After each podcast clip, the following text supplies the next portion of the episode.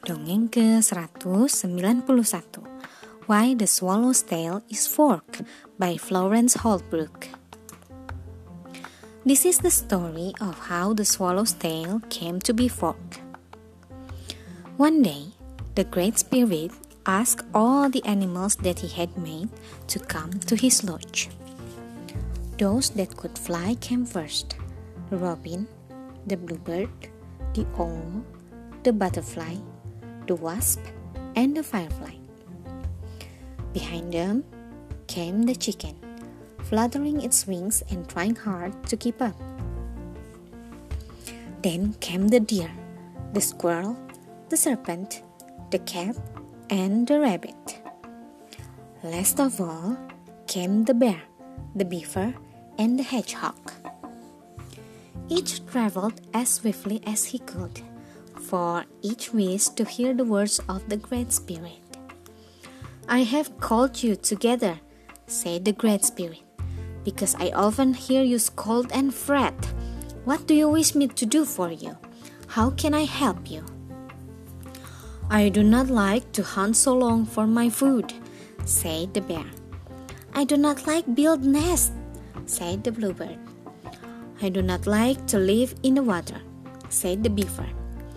I do not like to live in a tree, said the squirrel. At last, man stood before the Great Spirit and said, O great Father, the serpent feasts upon my blood. Will you not give him some other food? And why? asked the Great Spirit. Because I am the first of all the creatures you have made, answered man proudly. Then every animal in the lodge was angry to hear the words of man. The squirrel chattered, the wasp buzzed, the owl hooted, and the serpent hissed. Hush, be still, said the Great Spirit. You are man, the first of my creature, but I am father of all. Each has his rights, and the serpent must have food. Mosquito, you are a great traveler. Fly away and find what animal's blood is best for the serpent. You must all come back in a year and a day. The animals straight away went to their homes.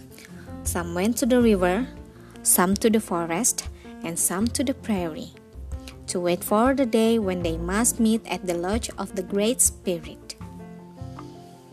The mosquito traveled over the earth and stung every creature that he met to find whose blood was the best for the serpent.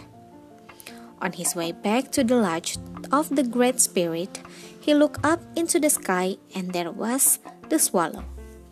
Good day, swallow, called the mosquito. I am glad to see you, my friend, sang the swallow.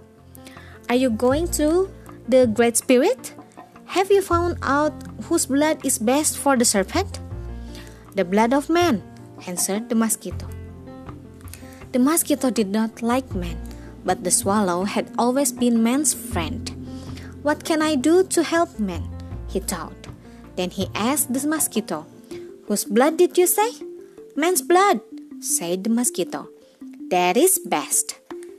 This is best, said the swallow and he tore out the mosquito's tongue.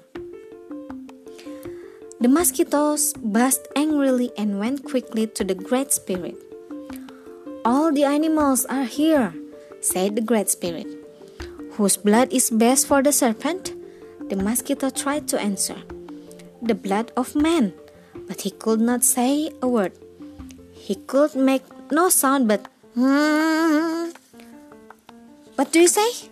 Mm, buzzed the mosquito angrily. Then said the swallow, Great father, the mosquito is timid and cannot answer you. I met him earlier and he told me whose blood it was.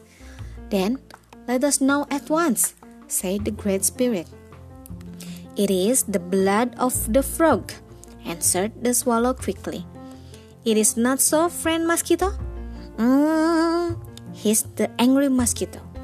The serpent shall have the frog's blood, said the Great Spirit. Man shall be food no longer. Now the serpent was angry with the swallow. He did not like frog's blood.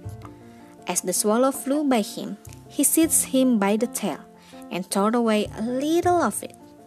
That is why the swallow's tail is forked, and it is why men always look upon swallow as his friend. Sekian, terima kasih telah mendengarkan. Selamat malam.